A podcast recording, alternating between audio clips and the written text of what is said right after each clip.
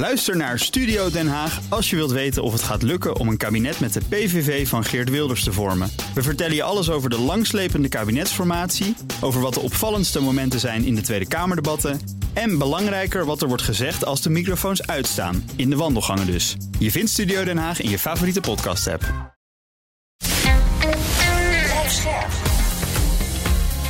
BNR Nieuwsradio. Boekenstein en de Wijk. Paul van Liemt. Als de wereldorde verandert, dan wordt het oorlog. Dat is altijd zo geweest. Nu daagt China de Verenigde Staten uit en Poetin ruikt een kans. En waar eindigt dat dan dit keer? Ja, dat gaan we gewoon uitzoeken. Samen met experts op gebieden als economie, technologie en militair terrein. Wat doet klimaatverandering en werkt de democratie nog wel? Dat zal met jullie wel weer geen opbeurend verhaal worden. Uh, ja, zoals gebruikelijk. En we gaan in gesprek met de zaal. Aanstaande maandag op 12 juni in het Circus Theater in Scheveningen. Een geweldige zaal voor een geweldig onderwerp democratie met politicoloog Tom van der Meer. En de allerlaatste voorstelling zondag 18 juni over klimaat met klimaatgeneraal Tom Middendorp. En dat is in de Spiegelzaal, volgens mij Spiegeltheater in Zwolle. Mm Ja, zeker. Ja, ook heel mooi. Theater Odeon. En uh, ja, er zijn nog een paar kaarten. Niet veel, maar er zijn nog wat kaarten beschikbaar. Dus ik zou zeggen, grijp snel je kans. En welkom bij Boekenstein en de Wijk op zoek naar de nieuwe wereldorde met Aart-Jan Boekenstein. Hij houdt uh, alle buitenlandse kranten, die houdt hij scherp voor ons in de gaten in zijn hoedanigheid als Aart-Jan, niet uh, in zijn hoedanigheid als Karl Marx, want het schijnt ook een alter ego te zijn. en dan hebben we natuurlijk uh, Rob de Wijk, ja, die is gewoon uh, de man uh, ja, in doek, dat is bijna te gek zelfs, maar op doek vereeuwigd. Ja. Slot. Ja, ja, inderdaad. Het is wel maf om jezelf op een schilderij te zien. en waar gaat het hangen? Prominente plek of ergens in het Ik heb eigenlijk geen idee. Ik bedoel, het schilderij is van de, van de kunstenaar, niet van mij. We gaan praten over het Oekraïnse tegenoffensief met de gast Ruben Brekelmans, Kamerlid en buitenwoordvoerder voor de VVD. Welkom. Laten we beginnen met, met de situatie op de grond. Nu actueel, het offensief is echt begonnen. Daar is heel veel over gezegd en gedaan ook. Maar eh, je kunt afleiden op heel veel manieren dat het begonnen is. Maar het mooie is dat je er ook heel veel aan kan afdingen. En daar zien we ook steeds, wat is de betrouwbaarste bron? Welke kant gaan we op? Wat is voor, jou, voor, voor Ruben Brekelmans? We zeggen je in dit gesprek, omdat we nu even in een andere situatie zitten. Wat is voor jou de belangrijkste? De belangrijkste bron bedoel je? Of de Zeker, om dit alles bij te houden. Uh, nou, er zijn een aantal hele goede experts op Twitter die ik nauwgezet volg. Dus ook als je met de inlichtingendiensten spreekt, we worden af en toe als Kamer worden we ook bijgepraat. Uh, en dan uh, werd ook vaak gezegd van ja, eigenlijk wat er via open source beschikbaar is, dat is heel dicht zit dat tegen de waarheid aan, omdat het heel nauwgezet wordt gevolgd. Het is nu wel zo dat je eigenlijk ziet dat er relatief weinig naar buiten komt. Dus ook die experts die gebruiken vaak Russische telegramkanalen, die ze dan weer van duiding voorzien natuurlijk. Ja. Uh, maar er zijn verschillende berichten over het, nu het startende offensief. Van uh, heeft Oekraïne al eerste verliezen geleden? Uh, hebben ze al echt, zijn het nog speldenprikken of hebben ze al enigszins een doorbraak weten te bereiken? Maar wat is voor jou dan de stand van zaken? Nou, volgens mij is de stand van zaken dat het net begonnen is en dat we zien dat in twee regio's, Zaporizhia en Donetsk, dat, dat Oekraïne nu probeert om echt een eerste nou ja, doorstoot te bereiken. En dat het nog gewoon maar afwachten is in hoeverre ze daarin slagen. Ja, is dat inderdaad, eh, Rob? Want ik bedoel, ja, je volgt alles natuurlijk ook. Maar dat is nu de stand van zaken. Maar toch, ik merk het ook, het wordt steeds, steeds lastiger. Uh, met name Oekraïne zegt nu ook, uh, het is geen film. Letterlijk, dit soort uitspraken. Dus we weten niet precies wat er aan de hand is. We gaan in ieder geval niets vertellen. Nee, dat klopt. Het, het blijft in belangrijke mate gissen. Dus je moet het hebben van snippers informatie. Maar wat je feitelijk doet met al die snippers informatie, plaats je in je kennis over militaire operaties. Dat is feitelijk wat je doet. En dan kijk je gewoon of het consistent eh, daarin is. En dan kijk je of er consistent wordt gereageerd, bijvoorbeeld door de Russen of de Oekraïners. Consistent bedoel ik ook op de grond. Nou, wat we op dit ogenblik in Zaporizhia zien, is dat eh, de Russen hun doctrine volgen. Dat is belangrijk. dus uh, nou, ik zal niet helemaal uitleggen hoe dat precies in elkaar zit nu. Maar uh, waar het feitelijk op neerkomt, is dat je dus een, een operatie hebt waarin je de aanval van de tegenpartij, in dit geval Oekraïne, pareert. Je trekt je terug, vervolgens zet je reserves in enzovoort. Nou, dat, dat kun je redelijk goed ook zien door middel van satellietbeelden die dan wel weer beschikbaar zijn op een aantal sites. Nou, als je dat ziet, dan zie je dat dit inderdaad gaat om behoorlijke operaties. En je ziet dan ook uh, dat het geen chaos is aan de, de Russische kant. En dat is voor de Oekraïne, denk ik, geen goed nieuws. Nee, waar ze mee bezig zijn is juist verwarring zaaien. Dat willen ze ook, maar dat lukt gewoon niet. Of zie jij wel iets in die richting, Arjan? Want dat valt op dat dat nog niet lijkt te gebeuren inderdaad. Weet je, het is eigenlijk, eigenlijk is het onmogelijk om er iets over te zeggen. Ik lees al die dingen en die zijn ook tegenstrijdig. De Russen liegen zich suf, Oekraïners zeggen helemaal niks. En verder heb je tussen de experts wat ruzie over bepaalde gebieden. Ik heb het gevoel, maar het is niks waard, is dat het behoorlijk is afgeslagen. Maar ik weet niet of het waar is. Ja, Was dat, bij- eh, denk ik, dat denk ik ook. Maar dat zegt op zich niet zoveel. Want het duurt gewoon een aantal dagen voordat je zo'n doorbraak eh, geforceerd hebt. Dus ik bedoel, dat, dat, dat gaat gewoon een Ja. tijdje eh, duren. Maar waar het gebeurt, hè, dus in die Zaporizhia... eh, Oblast. Eh, als je gewoon goed op de kaart kijkt, eh, we hebben er vaker over gesproken met z'n allen, van waar zou je nou een doorbraak willen forceren, dan is het daar. Eh, want dan kan je door eh, eh, eh, naar ehm, eh, Melitopol. Van Melitopol weten we dat daar een eh, behoorlijke pocket is van verzet, van partisanen. Dus nou, niet dat je dan nou dat dat een vrijplaats wordt en dat je daar gezellig wordt ontvangen. Maar in ieder geval kunnen daar gewoon voorbereidende werkzaamheden worden eh, verricht om eh eh, Oekraïnse troepen eh, te ontvangen. En dan kun je doorgaan gaan naar het zuiden. En dan zou je dus inderdaad die roemruchte landbrug eh, tussen de Krim en ehm, Rusland kunnen, kunnen Sluit je doorstrijden. die verbinding echt af? Dat, daar is alles op gericht. Nou ja, dat weten we niet of dat zo is. Eh, het kan ook best zijn dat je over het hele front probeert om eh, een 100 kilometer misschien eh, door eh, te gaan. Om vervolgens vast te lopen op de volgende verdedigingslinies. Hè? Want die Ja. verdedigingslinies zijn in lagen opgebouwd.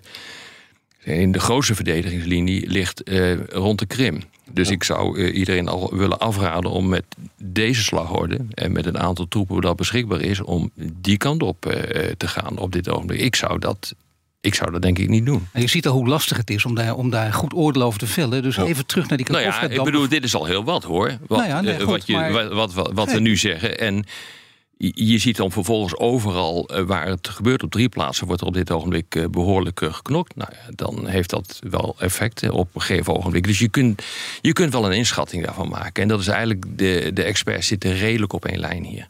Was dat eh, een paar dagen geleden ook zo makkelijk bij de Kakhovka-dam? eh, voor, voor Ruben Brekelmans bijvoorbeeld, als buitenlandwoordvoerder... om meteen te kunnen reageren en kunnen zeggen... kijk, dit zijn de Russen, dit is een ramp en dit kan niet meer? Nou, je ziet daar natuurlijk ook dat er meteen verschillende opvattingen zijn. Maar kijk, we weten nu ook wel na meer dan een jaar oorlog twee dingen. Eh, dat als Oekraïne spreekt zich soms heel scherp en stevig uit. Namelijk die zeggen dan direct ook op het hoogste niveau Zelensky, de minister van Defensie, dit is een Russische oorlogsmisdaad. Soms als de situatie wat onzekerder is, dan houden zij zich ook stil. Dat zag je bijvoorbeeld eh, in de eerste fase toen die incursie plaatsvond in Belgorod. Dus dan, dat, dat is voor mij altijd een signaal van: oké, hoe scherp zit Oekraïne erin? Aan de andere kant weten we ook dat Rusland natuurlijk niet alleen een, een oorlog op de grond voert, maar ook een informatieoorlog. En een, steeds meer ook probeert om er een draagvlakoorlog van te maken. Ehm, dus kijk, het feit dat zij dan meteen daar een narratief tegenover stellen, ja, daar, dat neem ik vaak wel met een korreltje zout. Of tenminste, dat is niet dat ik dan automatisch, hè, wat dan gezegd wordt, both sidism, dat je dan gaat zeggen, nou, de, de Oekraïners zeggen dit en de Russen zeggen dat. En we weten dat, dat Rusland eh, een loopje neemt met de waarheid wat dat betreft. Dus ik, ik, ik, ik kijk dan naar wat zeggen de Oekraïense officials, wat zeggen relatief onafhankelijke experts daarover. Ja, en als dan heel snel het beeld naar buiten komt met die dam van ja, dit is wel zeer onwaarschijnlijk dat de Oekraïners dit zelf hebben gedaan. Ja, dan is er nog de mogelijkheid, ofwel heeft Rusland het actief gedaan, ofwel hebben ze het dusdanig verwaarloosd dat er deels misschien sprake is van ongeluk. Maar je ziet ook dat die, die middelste theorie eigenlijk, hè, van eh, het is misschien een ongeluk geweest, dat er ook steeds meer experts zeggen, ja, zo'n dam, weet je, die is voorbereid op een aardbeving en op een nucleaire aanval. Het is niet zo als je dat een jaar lang eh, niet, niet goed onderhoudt, dat die dan doorbreekt. Dus het is wel zeer waarschijnlijk dat Rusland het zelf heeft gedaan. Ja, en dan kan ik als politicus, eh, ga ik niet mee in die Mm. enerzijds, anderzijds. Maar volg ik dan ook wat de experts en de Oekraïense officials daarover zeggen. Ja, wat natuurlijk interessant is met die, met die dam, is eh, dat de effecten daarvan die zijn redelijk ch- chaotisch voor beide kanten. Maar de wijze waarop Rusland daarop reageert is echt chaotisch. Ja. Eh, ik heb ook gezien dat eh, verder naar het noorden in Donetsk, daar is, of in de Oblast. Nee, dat is nog verder naar het in de Kharkiv Oblast, eh, is een, eh, eh, is een ammoniakpijpleiding eh, doorboord. Ja. Ehm, dat is alweer een paar dagen geleden. Maar het feit dat dat soort dingen gebeuren, ook daar zie je precies hetzelfde. Uh, Oekraïne geeft Rusland de schuld en omgekeerd. Maar het hele punt is natuurlijk uh, dat dat weer tot een totale chaos heeft uh, geleid. Ja, en dit soort dingen duidt er allemaal wel op dat er wel veel gaande is. En ook de wijze waarop, en dat vind ik het meest interessante, de wijze waarop Rusland reageert, onder andere op de doorbraak van die ammoniakpijpleiding, maar ook uh, verder naar het uh, zuiden bij de doorbraak van die dam. Dat is redelijk chaotisch. Uh, en tegelijkertijd is het niet chaotisch wat er gebeurt in de Zaporizhia Oblast, waar de Russen een goede verdedigingsoperatie hebben uitgevoerd tegen Oekraïne. Dus het is een heel gemengd beeld op dit Het is ook een beetje een PR-wedstrijd van ja. ev evacuatie met name aan de Oekraïnse kant. Over ev evacuatie aan de Russische kant horen we niet zoveel. Hè? Ik ben bang dat ze gewoon die mensen laten sterven ben ik echt bang voor. Het maakt niet zo'n geweldige indruk in de wereld als je zo met mensen omgaat. Hè? Ja, hoor eens, we hebben natuurlijk gezien wat er met, met Wagner eh, gedaan is. Die, de, die de gevangenissen heeft leeggetrokken. En dat voor uh, echt gewoon als kanonnenvoer heeft uh, gebruikt. Nee, überhaupt. Maar wat hier gebeurt is gewoon, aan, zeker aan de Russische kant... daar kunnen we nou toch wel redelijk... En, met redelijk zeker, veel zekerheid zeggen... dit is een, aan de eenschakeling van, van oorlogsmisdaden. Ja. BNR Nieuwsradio. Boekenstein en de Wijk. Op zoek naar de nieuwe wereldorde. Dit is Boekenstein in de Wijk. En dat programma is natuurlijk niets zonder Arend-Jan Boekenstein en Rob de Wijk. Mijn naam is Paul van Diemt en we praten met VVD-Kamerlid buitenlandwoordvoerder Ruben Brekelmans. Want we gaan ook vooruitkijken. Inmiddels staat Amerika toe om F-16-piloten te trainen. Ja, wanneer volgen de toestellen? Nou, die, die training die komt nu op gang. Uh, wat, wat ook een, een uitdaging daarin is, is dat veel Oekraïnse piloten geen Engels kunnen. En dan was het met eerdere wapensystemen zo, die zijn nog iets eenvoudiger, dus dan kun je daar nog wel omheen werken. Uh, maar in dit geval geldt, als je een F-16 wil besturen, ja, dan moet je ook wel echt die Engelse instructies en hmm. alles wat erbij hoort, moet je begrijpen. Dus dat is nu de eerste fase, dat de Britten daarbij helpen. Maar wacht even, is de eerste fase, je gaat toch niet op taalkursus? Want dan ben je weer drie maanden verder. Er moet, iets, er moet een versnelling in komen. Wat, wat gaat die dan gebeuren? Nee, nou, het is niet zo dat ze beginnen met uh, het bestellen van een kop thee, zeg maar. Die, maar, maar wel natuurlijk gewoon de, de basale uh, begrippen en ook de, alle, de, zeg maar de systemen, de mechaniek, de termen die daarin worden gebruikt, ja, dat kun je niet nu allemaal ineens van het Engels naar het Oekraïens nee. uh, vertalen. Uh, dus, dus, dus dat uh, gebeurt, dat wordt, is natuurlijk een, een, een stel, snelkookcursus. en dan vervolgens vinden daadwerkelijk de trainingen plaats. En daar gaat Nederland dan ook een rol in spelen. Maar goed, dat is een kwestie van, niet een kwestie van weken, dat zal wel wat meer een kwestie van maanden zijn. Ja, en op het moment dat dat gebeurt, en we hebben het net gehad over hoe ontwikkelt de oorlog zich op de grond. Maar uh, dus al op een gegeven moment zal dan ook de politieke vraag gesteld worden dat wanneer de piloten klaarstaan en de, de kisten staan klaar, dat dat politieke besluit valt. En ik denk dan persoonlijk dat dat besluit heel snel genomen kan worden. Want de Amerikanen hebben juist eerder hebben ze dat besluit hebben ze wat getraineerd. Omdat zij zeiden van ja, als je piloten begint te trainen, dan geef je eigenlijk impliciet ook al de goedkeuring om uiteindelijk die F-16's te kunnen inzetten. Vorige week in Moldavië, uh, was afgelopen week in Moldavië, was uh, Mark Rutte natuurlijk bezig met die F-16-coalitie. En je zou zeggen, is het niet aan hem om druk te zetten achter die, die echte levering van die vliegtuigen? Moet Rutte dat niet doen? Nou, volgens mij is, is vooral nu het belangrijkste dat we zorgen dat die piloten dat die snel opgeleid zijn. Dat eventuele uh, F-16's dat die klaarstaan, dat die gereed zijn. Want in de meeste gevallen uh, zijn het ook uh, die inmiddels al zijn afgeschreven of die weer terug zouden gaan naar de leverancier. Dus je moet natuurlijk zorgen dat dat klaar staat. Je moet ook uiteindelijk het onderhoud moet je op orde hebben. Het is natuurlijk ook zeer ingewikkeld en nadenken over hoe ziet die logistieke keten erachter eruit. volgens mij moet je daar nu op duwen dat nou, het ja, allemaal zo snel mogelijk klaar Sorry dat ik hier mijn reden valt, maar het eerste de eerste vraag die je moet beantwoorden is van waar gaan die vliegtuigen opstijgen? Mm -hmm. Is dat vanuit Polen. Is dat vanuit uh, Polen wordt genoemd door een aantal mensen. En dat heeft te maken met de, toch volgens experts gebrekkige infrastructuur in Oekraïne zelf. Of gaan we op dit ogenblik al uh, de Oekraïnse basis oppimpen? Ik bedoel, zeg het maar. Wat, wat, hoe, hoe kijk jij daar tegenaan? Want het maakt nogal wat uit, hè? Ja, ja ideaal zou natuurlijk zijn, het zou beter zijn om dat in Oekraïne te doen, zodat zij daar autonoom in kunnen handelen. Uh, kijk, uiteindelijk, als het ervoor nodig is dat dat niet, praktisch niet gaat, of dat dat op dit moment dat dat te veel tijd zou kosten, ja, dan zou het, wat mij betreft, zou het wel kunnen dat die in Polen uh, opstijgen. Oeps, maar daar zeg je wel wat. Want dat betekent dat we gewoon letterlijk in oorlog zijn met Rusland. Nou, kijk, het zijn uiteindelijk zijn het natuurlijk wel de kijk, er is natuurlijk een grijs gebied, maar uiteindelijk zijn het wel de Oekraïense piloten die dan vanuit Polen opstijgen. En daar Hoor begint. even. Maar kijk, ja. we hebben nu ook al. on- Ja, ja, ja, maar dat... dat Nou, nee, dat wordt heel anders gevrijd door als je- Rusland, eh, Als je nou eh Ja. hoe Poetin een, ja, een, een nieuw frame wil aanbieden... ik bedoel, dit is natuurlijk gewoon evident. Het zijn NAVO-vliegtuigen. Misschien is er ook wel NAVO-grondpersoneel, weet ik veel. Het, eh, ik hoorde ook al, ja, kan het ook met contractors doen. Dus dat zijn mensen uit Oekraïne en burgers, ex-militairen uit, eh, uit de NAVO-land... doen we dat in Polen.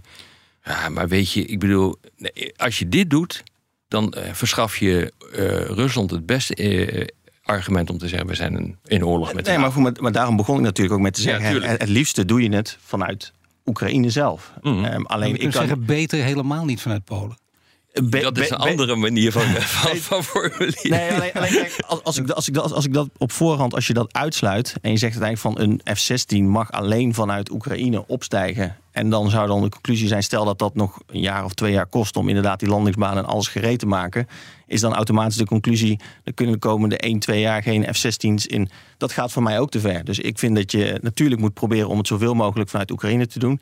Kijk, je ziet aan de andere kant ook, er zijn natuurlijk heel veel materieel wat wij nu sturen. En dat wordt ingezet door Oekraïne op het slagveld. Dat wordt over de grens naar Polen en, eh, en andere landen gebracht. Wij doen het onderhoud en vervolgens pakken de Oekraïners dat materieel weer terug. Dus dat is eigenlijk, hè, gaan we daar al best ver in om vrij snel over de grens om daar ondersteuning te bieden.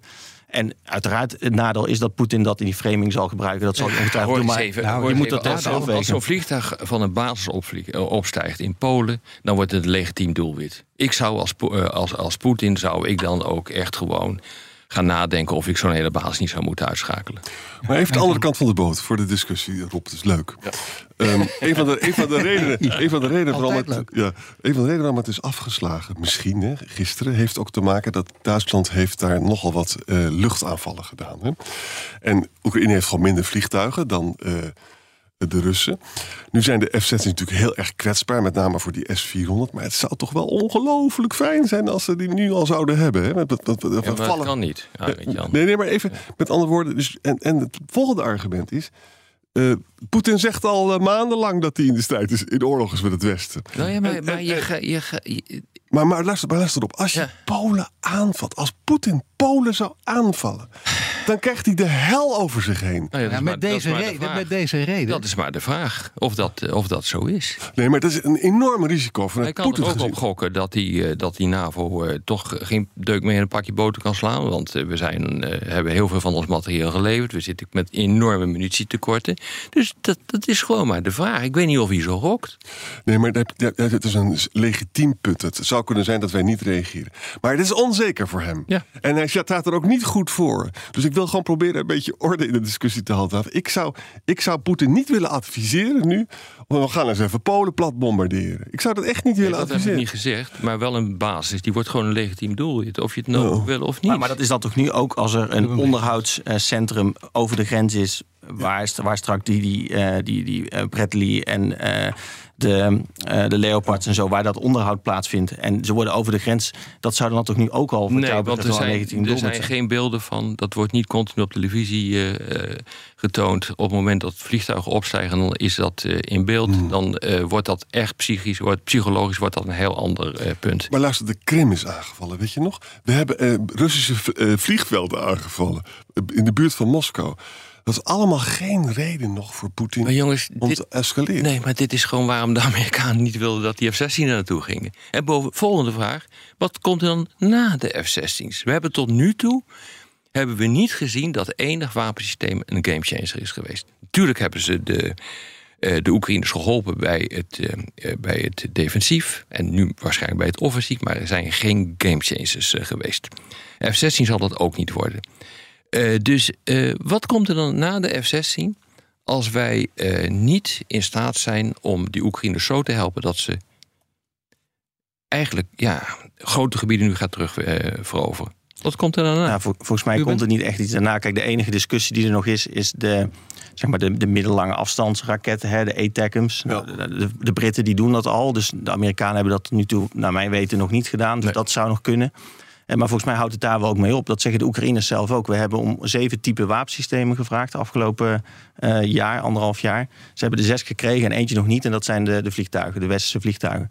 Dus ik denk niet dat na de F-16 dat je nog kunt zeggen... er is nog een andere categorie of type Mm, wapen waar je ja, helemaal... Ja, ja, ja, dat is er wel. Want Rasmussen, de voormalige secretaris-generaal van de NAVO... die heeft gezegd dat een aantal landen bereid is om grondtroepen te sturen. Dat, zou is- een logische vervolgstap zijn. Ja, oké, maar dat is geen wapensysteem. Dan ga je gewoon, dan ga je direct ga je meevechten. Ja, klopt. En, en, en, en daarvan, daarvan heeft in ieder geval volgens mij het hele Westen en ook Nederland, maar steeds heel duidelijk gezegd van dat gaan we niet doen. Oh nee hoor, de Polen die zijn daarvoor. Ja, maar het is, het is gisteren is dat bekend geworden. Dat is echt zo. Dus Ja. de Oost-Europeanen zijn er dus heel agressief in. Ro- Rob heeft hier wel een belangrijk punt. Want het, dit, kan leiden tot, dit kan leiden tot grote oneenigheid Zeker. in het Westen.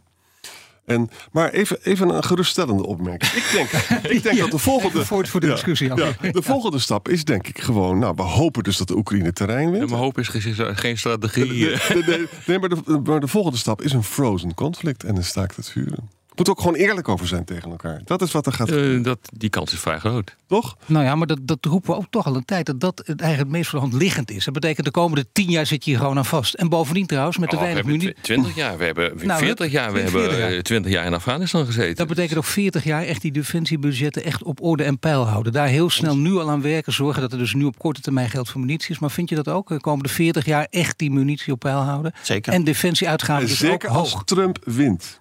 Ja, nee, wij, wij zijn er ook Ja. voorstander van, juist vanwege dit, om die 2% in een wet vast te leggen. Dus Mhm. dat je zegt van die, die 2%, wat er ook gebeurt, die moeten we minimaal moeten die uitgeven. Eh, kijk, en ongeacht hoe nu. Maar de- meer, veel meer dan dat. Moet je het ook niet ophogen.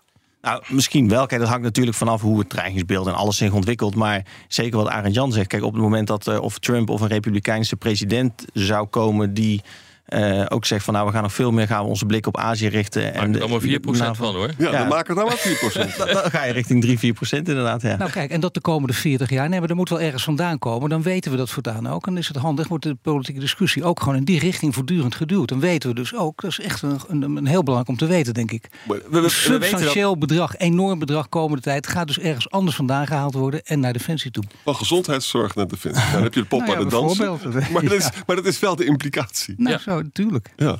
Nee, veiligheid heeft een prijs. Kijk, en, en, en sowieso hoe. ehm, kijk, ongeacht hoe de oorlog zich nu ontwikkelt. Stel in het meest positieve scenario dat, ehm, dat Oekraïne heel veel terrein zou winnen. Of eh, de komende jaar, Mhm. twee jaar. Dan nog zul je Oekraïne tot de tand moeten bewapenen. Om ervoor Ja. te zorgen dat Rusland niet nog een keer een poging gaat wagen over vijf, zes, zeven jaar. En dat brengt ook heel veel kosten met zich mee. Gaat Dus- volgens mij besloten worden in veel nieuws. Ja. Eh, minder dan een maand hebben we die eh Ja. NAVO-top. En een van de belangrijkste scenario's die op tafel liggen... is het zogenaamde Israël-scenario.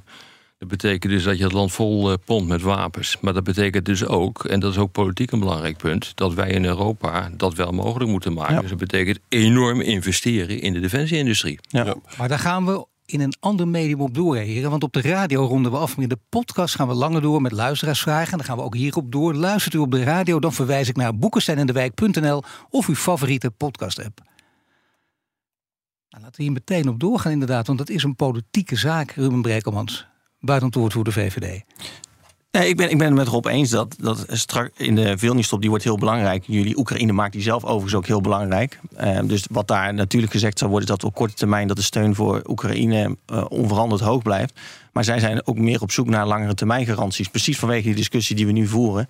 En eh, kijk, er is natuurlijk al eerder is de deur opengezet voor lidmaatschap van de NAVO. Ik verwacht dat daar nog iets warmere woorden over gesproken worden. Aan de andere kant, Oekraïne is nu in oorlog, dus je kunt daar niet te veel op, eh, op, op speculeren, zeg maar, wanneer dat precies gaat Nee, die gebeuren. Israël-oplossing waar Rob het over heeft, die kans zal het opgaan. Is dat het meest wenselijk ook en het meest haalbaar? Nou, nou ja, of misschien nog wel meer dan dat. Want eh, je, zou- je kunt namelijk ook zeggen dat eh, je nog veel meer het Oekraïense leger en de krijgsmacht, dat je die integreert in de NAVO-systemen. Of dat je die moderniseert in overeenstemming met de NAVO-systemen. Dat je afspraken maakt over het delen van inlichtingen, afspraken over opleiding en training. En inderdaad dat westerse landen zich committeren aan delen van de krijgsmacht die zij, de Oekraïnse krijgsmacht die zij ondersteunen. Eh, dus dat is, vergelijkbaar met Israël, gaan maar gaat misschien zelfs wel een stap verder. Nou ja, het is ook andersom. Hè? Ik had eh, deze week een eh, discussie in het Europees Parlement. En toen heb ik ook gezegd van hoor eens even... wij kunnen op dit ogenblik eigenlijk meer leren van Oekraïne dan omgekeerd. Want wij eh, hebben gewoon ons, ons hele commandosysteem en ons inlichtingensysteem, technische inlichting, is gewoon niet goed. Dat is een absolute zwakte in Europa. De Oekraïners hebben aangetoond dat je dus binnen no time dat helemaal kunt optuigen. En al die verschillende wapensystemen uit die verschillende landen, oude Sovjet-systemen, ultramoderne West-systemen, kun je allemaal aan elkaar eh, knopen. Wij in Europa zijn uh, zitten er al 40 jaar over te bakkeleien. En we zijn nog niet eens in, in, staat om iets te doen. Dus wat dat betreft, wat dat betreft uh, kunnen we ook heel erg veel leren. Ook op het gebied van hoe voer je een operatie uit van de Oekraïners. En ze hebben een grote krijgsmacht. Ja. Nou, laten we met de vragen beginnen, want er zijn er heel veel binnengekomen natuurlijk. Sjoerd die wil weten, Polen zit in een defensie spending spray. Tegelijkertijd zijn er zorgen of Polen dit zelf financieel kan dragen. Moet de EU Polen financieel ondersteunen op kosten van landen die niet aan hun verplichtingen voldoen? Die gaat naar Ruben Brekelman zeggen. ja. Dat is een mooie vraag. Nou, dat denk ik niet. Kijk, ik denk dat we grotendeels gewoon de defensieuitgaven... dat dat een, een nationaal iets moet blijven... en dat je daar eh, afspraken over maken. Ik vind het wel goed dat we bijvoorbeeld het, de Europese Vredesfaciliteit hebben. Hè, dus dat is een soort Europees fonds waarmee je gezamenlijke uh, steun richting derde landen, bijvoorbeeld die munitie aankopen richting Oekraïne, kun je daarmee financieren. Uh, en ik vind wel dat er veel meer Europese samenwerking moet zijn. Dus we vinden nu ook uh, dan PESCO allerlei projecten vinden er plaats als het gaat om innovatie. gezamenlijke aankopen en zo. Dus je kunt veel meer kun je nog samen met elkaar doen. Maar ik vind dat primair gezien hoeveel budget spendeer je aan defensie, uh, dat dat ook wel een nationale aangelegenheid is. Eindjan. Er is iets heel ingewikkelds hier aan de hand. We willen dus rechtsstatelijk willen we zo echt het mes op de keel zetten en de, die miljarden, de COVID-miljarden hen onthouden. Daar moeten we ook vooral mee doorgaan, want de Polen spelen verschrikkelijk buiten. Aan de andere kant houden we enorm veel van de Polen, want ze doen ongelooflijk veel. Ze doen heel veel aan defensie, ze zijn cruciaal voor ons. Dus moeten hele knappe diplomaten, moeten heel diplomatiek hier opereren. Zeker. Maar er is volgens mij nog, om het nog ingewikkelder te maken. Uh, de Europese Unie, uh, dat, die mag toch niet, uh, laten we zeggen, zich bemoeien met de defensieopbouw van, zijn, van landen, ook budgetair. Eens, eens. En, en wat er dus nu wordt opgetuigd, ook voor dat fonds, om, laten we zeggen, even in mijn termen, je bonnetje voor de wapenaanschaf die vervolgens voor Oekraïne bestemd is, in Brussel in te leveren. Dat fonds is toch ook buiten de normale begroting om georganiseerd? Nou, er is inderdaad een aparte structuur. Dus het valt buiten de Europese begroting, dat klopt. Um, kijk, aan de andere kant is het, je ziet in de praktijk dat het een stimulans of een soort. Kijk, het is eigenlijk is een, een, een broekzak-vestzak verhaal natuurlijk. Maar je ziet toch dat het voor individuele landen dat het een aansporing is om toch net wat meer te doen. Omdat je dan kunt zeggen, nou, deels wordt het via een Europees fonds gefinancierd, wat we eigenlijk, nou ja, wat wij eigenlijk ook weer zelf betalen. Uh, dus ik, ik, ik, heb daar op zich, ik heb daar niet zo heel veel nee, bezwaar tegen. Ik, ik heb er ook geen bezwaar tegen. Maar het interessante is natuurlijk wel dat hier dingen gebeuren die eigenlijk gewoon helemaal niet voor mogelijk werden gehouden een aantal jaren geleden. Het is heel vergelijkbaar nu wat er met, uh, met COVID uh, gebeurde. Waarbij we, uh, dat begon met Sure, dat was een pakket om de werkloosheid in landen af te kopen of te, te steunen als dat gebeurde. En dat werd gedaan door middel van gezamenlijke leningen. Ja. En, uh, en, en, daarna kwam dat enorme pakket van bijna 800 miljard eroverheen. Maar dus je, je ziet dat die crisis zelfs de hele financiering financieringswijze van de Europese Unie aan het ja, veranderen. Ja, alleen dat, dat, dat laatste ben ik het op zich wel eens. Alleen ik vind dat je die twee dingen niet naast elkaar kunt zetten. Kijk, we hebben toevallig hebben we aankomen. Nee, het, het, verhaal was: er gebeuren dingen die heel bijzonder zijn op dit ja. ogenblik. Nee, ook zeker. Op, ook op begrotingsgebied. Zeker, maar het is niet zo dat die Europese, dat Europese fonds bijvoorbeeld voor munitie, dat daar gezamenlijke schulden voor nee, worden dat klopt. Dus we hebben toevallig aankomende dinsdag een debat in de Kamer, want Nederland gaat weer 135 miljoen in dat fonds stoppen. Uh, en dat moeten wij als parlement ook goedkeuren. Ja. Ja. Uh, dus dat loopt nog wel echt via de nationale route. Dat ja, ja, nee, zeker. Maar, Ruben, zeker. nu wil ik je wat, graag wat vragen. Van, regeren is ook vooruitzien in hele moeilijke tijden. En dat alles verandert echt. Hè? Nou, jouw redenering is heel helder en heel duidelijk. Van, ik vind dat het eigenlijk nationaal moet gebeuren. Er hele goede argumenten voor die stellingen. Want anders als je de, de nazistaat daar te veel aanpast... dat zou de zaak uit elkaar kunnen vallen. Maar nu even het scenario dat toch Trump aan de macht komt. Het is echt, bij, bij alle drie staan te bibberen bij de gedachte, toch? Misschien zit wel in de gevangenis en wordt hij dan toch nog gekozen. Ja, ook, dat nog. Ook nog. nou, dan heb je dus alle hens aan denk.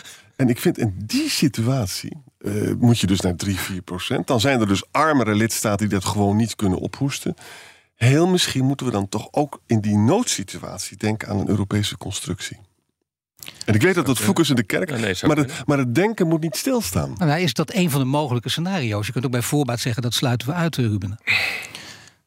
Nou ja, kijk, het is heel gevaarlijk om nu in deze wereld te zeggen: ik sluit op voorhand iets uit. Maar kijk, je ziet eigenlijk de, dat het niet per se de armste landen in Europa zijn die het minst aan defensie Dat uitgeven. is ook waar. Kijk, Griekenland heeft een enorm defensiebudget. Eh, we noemden al de Oost-Europese lidstaten. Polen is ook niet het rijkste land. Het zijn juist de, de rijkere landen in West-Europa die het B moeten bijtrekken.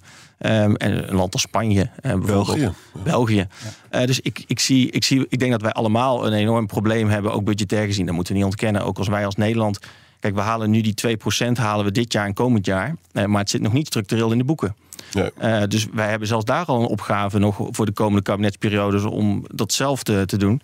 En als inderdaad Trump aan de macht komt en het heeft die consequentie die wij zouden vrezen, die het heeft. En we moeten daarmee naar 2,5, 3 procent.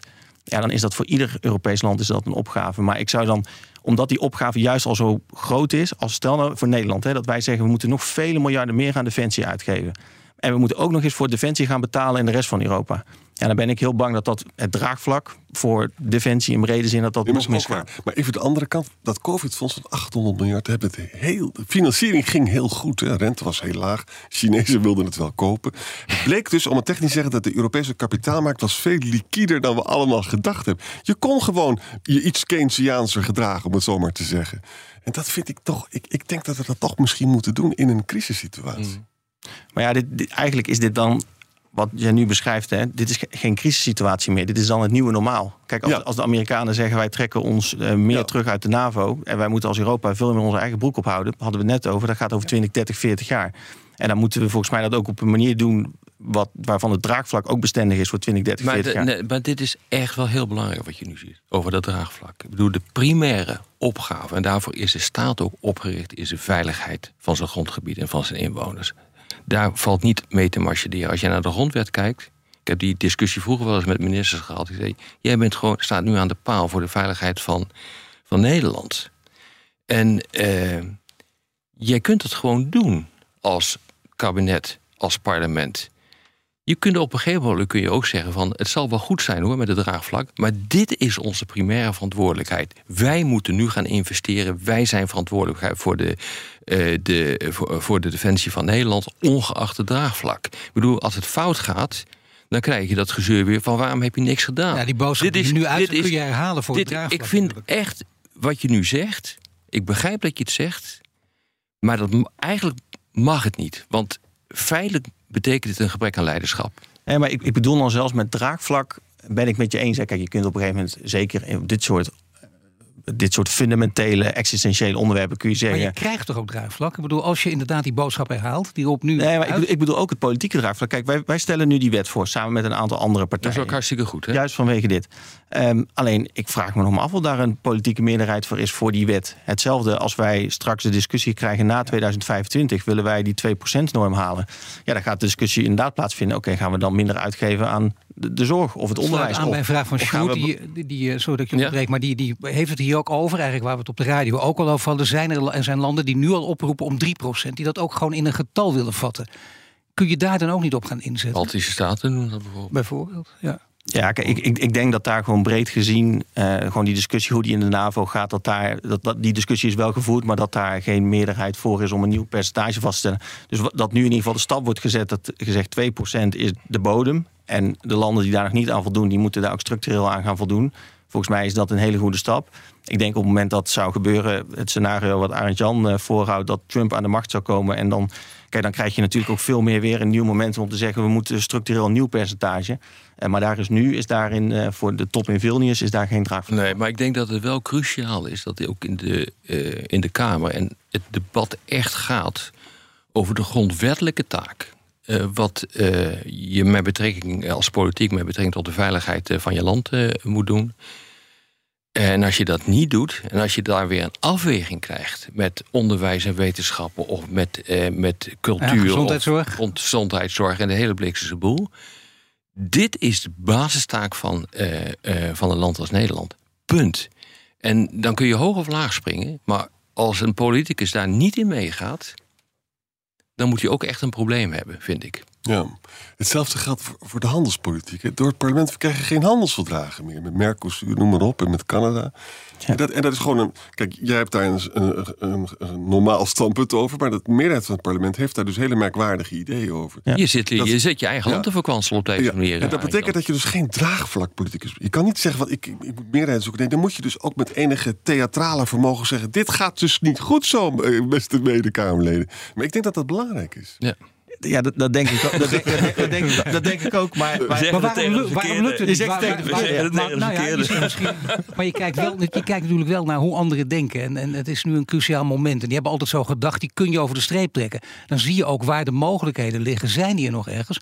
Of zijn de stellingen echt betrokken? En, en kun je Nee. het vergeten? ik moet zeggen, op dit punt zijn de bestellingen niet be- betrokken in de zin. Kijk, als je nu even kijkt naar het afgelopen jaar Oekraïne, vanaf het begin af aan hebben zelfs de meest pacifistische linkse partijen hebben gezegd: wij steunen wapenleveranties aan Oekraïne. En daar heb ik ook, weet ik nog, het allereerste debat wat hierover ging, dat was nog voor de oorlog begon, dacht ik meteen, ik iedereen meteen met de rug tegen de muur zetten. Dus ik heb toen in een debat aan al die linkse partijen gevraagd: steunen jullie wapenleveranties of niet? Eh, juist ook omdat ik vanaf het begin wilde zien van hoe zit de partij erin, is er breed draagvlak eh, voor. En je ziet ook dat als het gaat om defensieuitgaven, zijn eh, ook linkse partijen die zijn aan het schuiven daarin. Eh, Ja. En Jesse Klaver heeft daar bijvoorbeeld ook aan toegegeven van we hebben daar in het verleden va- eh, verkeerd naar gekeken. Dus dat vond ik heel mooi dat hij dat eh, zei. Ja, ik moet zien of hij dit stand houdt hoor. Nou ja, Ja. En dat is precies de vraag. Dat zie ik nou ook weer. Want we leven nu budgetair gezien ook in een andere wereld dan een jaar geleden. Met hogere rentes, zoals Arend Jan zegt. We moeten weer bezuinigd worden. En dan moet eh, links is het heel moeilijk om op bepaalde uitgaven te bezuinigen. Ik zeg eerlijk, voor mijn partij ook. Als wij zouden moeten zeggen, we moeten meer aan defensie uitgeven, maar we moeten daar ook volledig voor betalen door hogere belastingen die voor ons pijn doen, eh, dan gaat die discussie, wordt ook in mijn partij die wordt eh, gevoerd. Dus eh, ik, denk dat er, ik denk dat er het draagvlak breed politiek en momentum is om hier echt anders naar te kijken dan in het verleden. Maar als het echt spannend wordt en mensen moeten dan ook zeg maar, iets ten koste laten gaan van hun eigen voorkeuren, ja. dan gaat die politieke discussie toch gevoerd worden. En dan ben ik het eens met wat Maar erop dan moet je en dus wat wel geestenrijp maken en vooruitkijken. Als je weet dat die discussie gevoerd wordt. Precies. Eh, eh, Ruben, nog iets. Ben ik eh, benieuwd naar. Van, hoe moet je nou als Kamerlid, en ik weet het zelf ook niet, hè, hoe moet je nou als Kamerlid omgaan met die Poetin-versteers? Moet je ze negeren? Dat zijn helemaal gek. Of moet je toch de aanval en ze steeds weer voor belachelijk maken of zo? Ik bedoel, Thierry Baudet die eh, retweeten weer allemaal onzin, Russische onzin. Hè? Hoe moeten we er nou mee omgaan? Ik, ik doe het selectief, omdat, kijk, ik vind, zij hebben drie, vier zetels in de Kamer. Dus dat is 2% van de Nederlandse bevolking. En ik vind dat zij dan ook 2% van mijn aandacht verdienen. Als, als, als ik, er zijn Kamerleden bijvoorbeeld en ook anderen die, die zien iets vreselijks in Oekraïne gebeuren. En die zeggen dan eh, in hun uitingen daarover. En dan zijn er ook nog Nederlanders die dat. Dus iedere keer combineren ze dat dan met een, eh, met een aanval richting de Poetin-versteers. Ik vind dat als er iets vreselijks in Oekraïne gebeurt, zoals zo'n damdoorbraak of wat dan ook, dan moet daar 100% aandacht op eh, zijn. En dan wil ik dat Nederlanders zien hoe wordt daar breed politiek over gedacht. En ik ben daar een onderdeel van. Maar ik vind ook dat als inderdaad de uitspraken in het parlement, als die zo extreem zijn, ja, dan kies ik inderdaad de momenten uit, ook voor de beperkt aantal interrupties die ik heb, om daar eh Thierry Baudet of anderen op aan te vallen.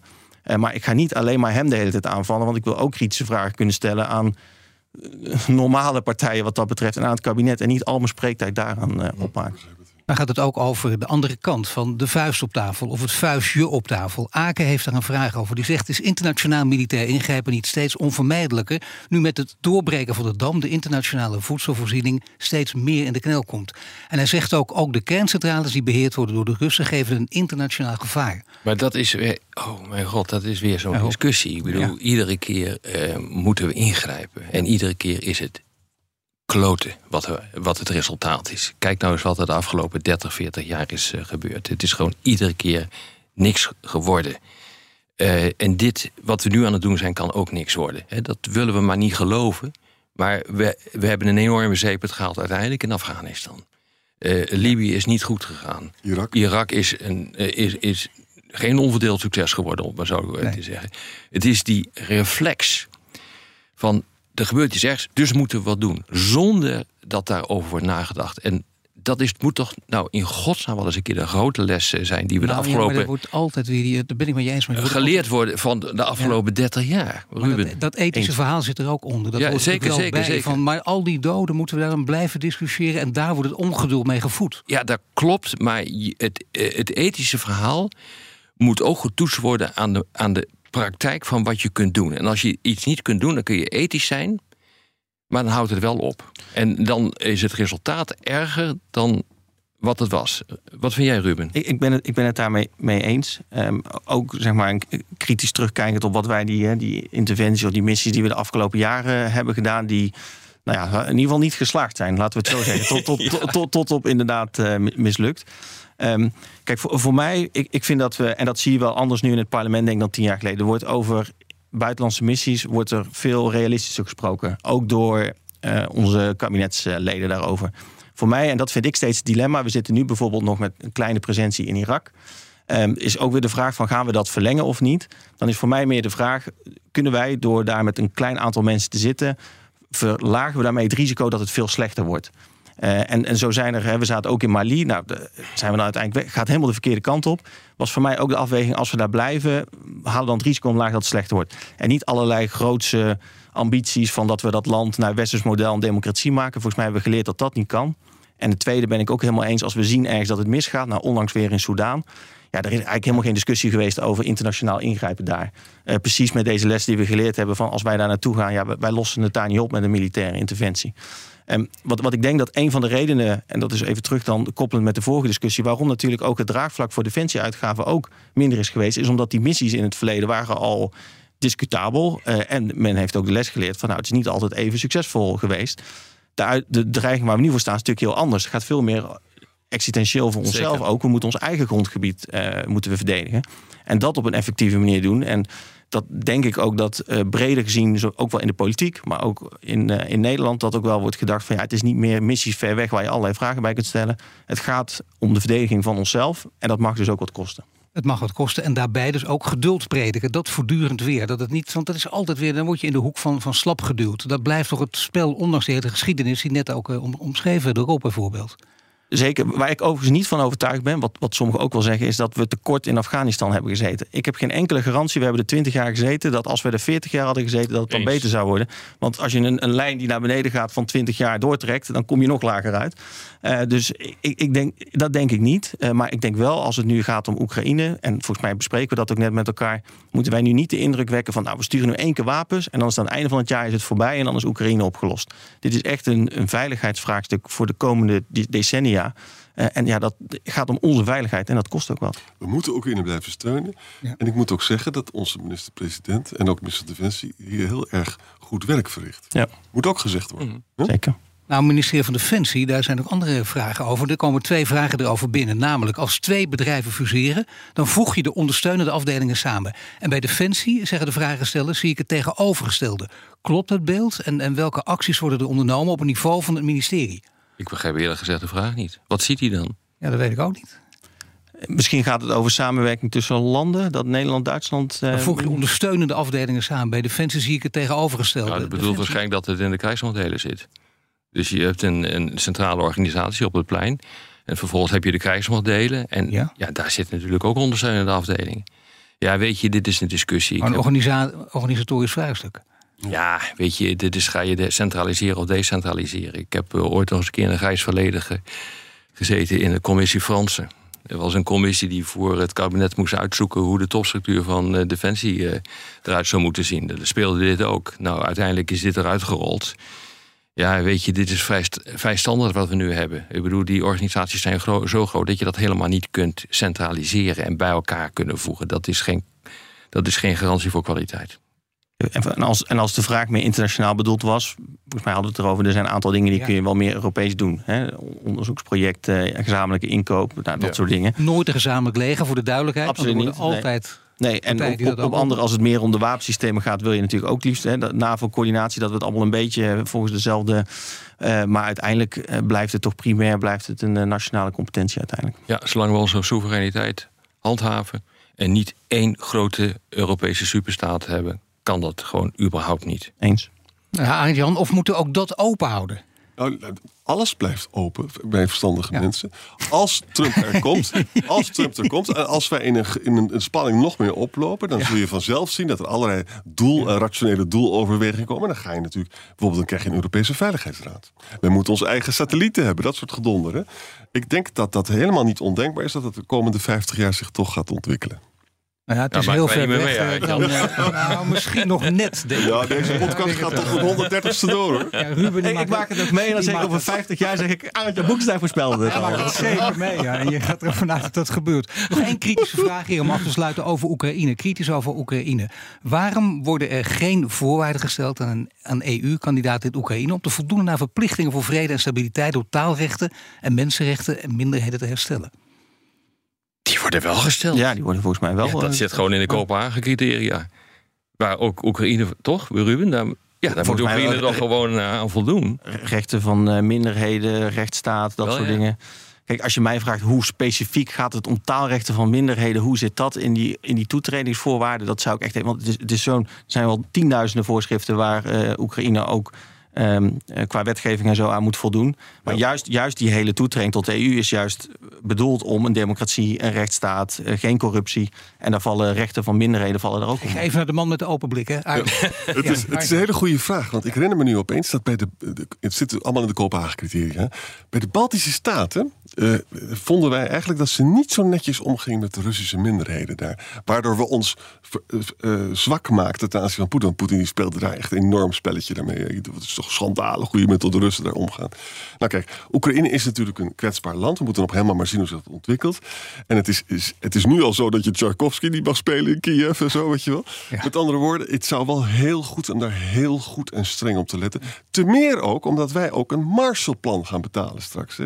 Oh, die dam is 1 miljard. Hè. Dat, dat- we zijn weer 1 miljard hoger zijn we uitgekomen. Dus het is, eh, we, moeten, moeten ze daar heel erg aan houden. En, het, en dat moeten we op een verstandige manier doen, want het is een kwetsbare staat. Kan ook terugval zijn. Hè. Ja. Maar goed. Je wil het liever niet zeggen, deze woorden, maar toch. Dit was weer Boekenstein in de Wijk. En namens Aart-Jan Boekenstein en Rob de Wijk zeg ik dank voor het luisteren. Een speciale dank aan VVD-Kamerlid en buitenwoordvoerder Ruben Brekelmans. En natuurlijk iedereen een fijn weekend. Ook Diana Matroos vind je in de BNR-app. Ja, inderdaad. Je kunt live naar mij luisteren tijdens de Big Five. Ook handig in de BNR-app. Breaking nieuwsmeldingen, maar ook het allerlaatste zakelijke nieuws. En je vindt in de app alle BNR-podcasts, waaronder Wetenschap Vandaag. Download nu de gratis BNR-app en blijf scherp.